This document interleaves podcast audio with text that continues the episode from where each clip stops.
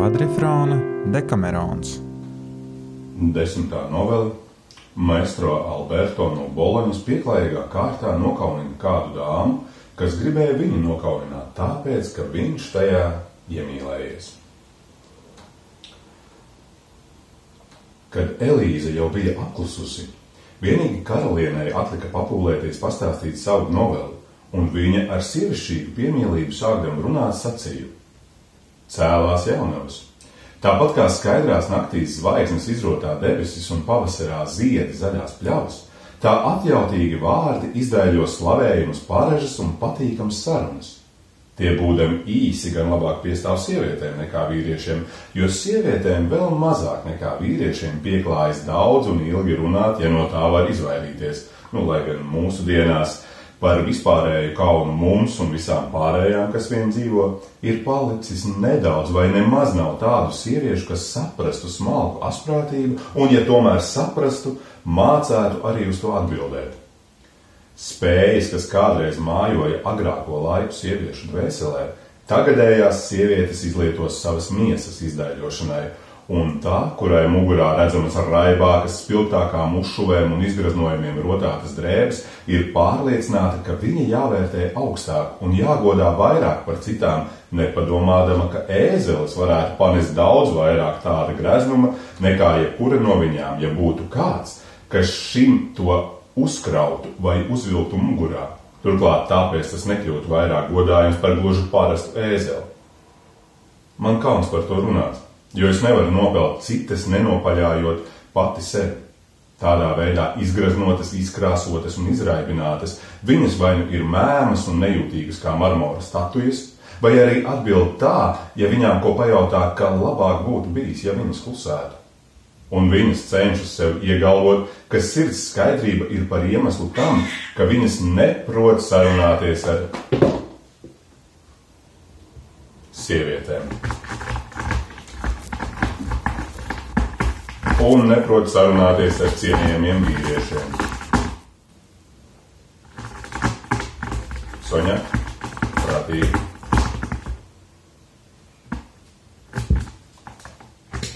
Un savu muļķību viņas nosaukušas par godīgumu. It kā tikai tāda sieviete būtu godīga, kas sarunājas vienīgi ar savu kalponi, ar savu veļas mazgātāju vai maizes cepēju, Ja to, ko viņas sev iestāsta, būtu gribējusi daba, tā citādā veidā būtu ierobežojusi viņu ļāpību.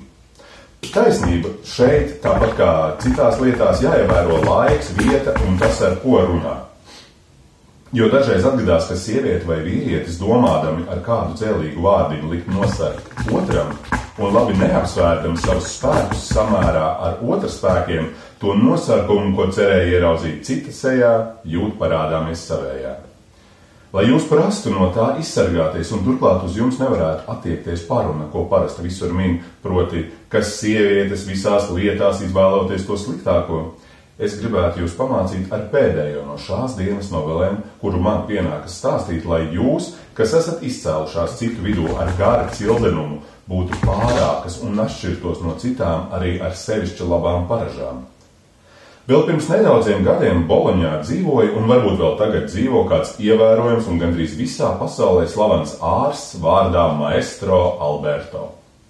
Kaut gan viņš jau bija tuvu 70 gadu vecumam, un viņa ķermenī bija izgaisusi gandrīz katra dabiskā iekāres dziņa, tomēr viņam piemita tik cēls gars, ka viņš nenoniecināja un nevairījās mīlestības liesmu ieraudzījis kādos svētkos brīnišķīgu, skaistu atraitni, kuru, kā daži stāsta, sauc par Margaritu Gizoljēri, un tā viņam ārkārtīgi iepatikās.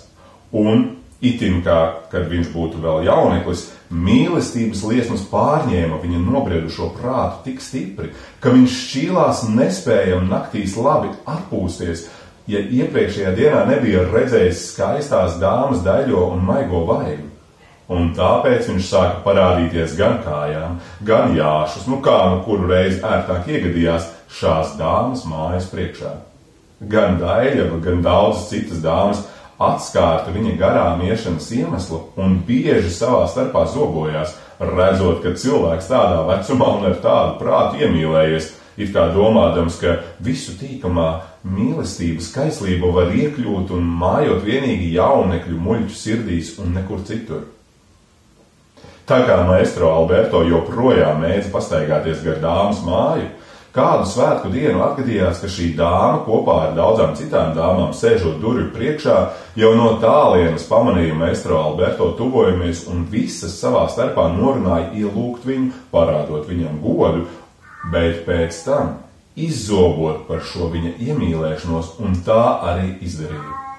Viņam pienākot, visas piecēlās un izsacījušas ielūgumu, ieveda viņu vēsā pagalmā, kur lika pasniegt vissmalkākos vīnus un saldumus, un beidzot, visai jaukos un izmeklētos vārdos jautāja viņam: Kā tas varēja notikt, ka viņš iemīlējies šajā daļavā, zinādams, ka to mīl daudzi skaisti, patīkami un izciltīgi jaunekļi.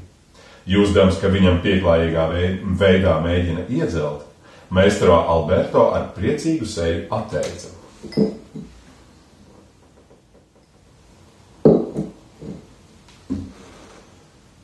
Dairā Dona, par to, ka esmu iemīlējies un turklāt tieši jūsos, nav ko brīnīties nevienam saprātīgam cilvēkam, jo jūs esat tā vērti. Lai gan vecākiem vīriem pēc dabas likumiem ir atņemti spēki, kādi vajadzīgi mīlestības vingrinājumiem, taču tāpēc viņiem nav atņemta labā griba, ne arī spēja izšķirt, kas ir mīlestības cienīts. Un to viņi gluži dabiski saprot labāk par jaunekļiem, jo viņiem ir vairāk pieredzes. Cerība, kas mani vecu vīru pamudināja mīlēt jūs, kuru mīl tik daudz jaunekļi, ir šāda. Man daudzreiz ir gadījies būt tādās vietās, kur esmu redzējis sievietes palaunadzī ēdam lupīnas un puravus. Nu, lai gan purava vispār nav garšīga, taču to galviņa ir mazāk pretīga un patīkamāka mutei. Bet jūs, jūs parasti savas samaitātās ēstgribas pamudinātas, galviņu turat rokās un ēdat lapas, kas ir ne tik vien nekam nederīgas, bet arī negaršīgas.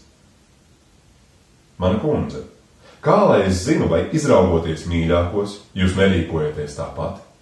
Un, ja jūs tā rīkotos, jūs bez šābām izraudzītos mani, bet citus atraidītu.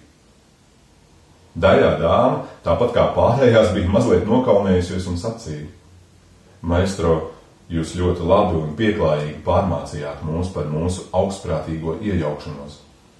Katrā ziņā jūsu mīlestība man ir dārga, un es to ļoti cienu, kā pienāks cienīt tik gudra un godājuma cilvēka mīlestību.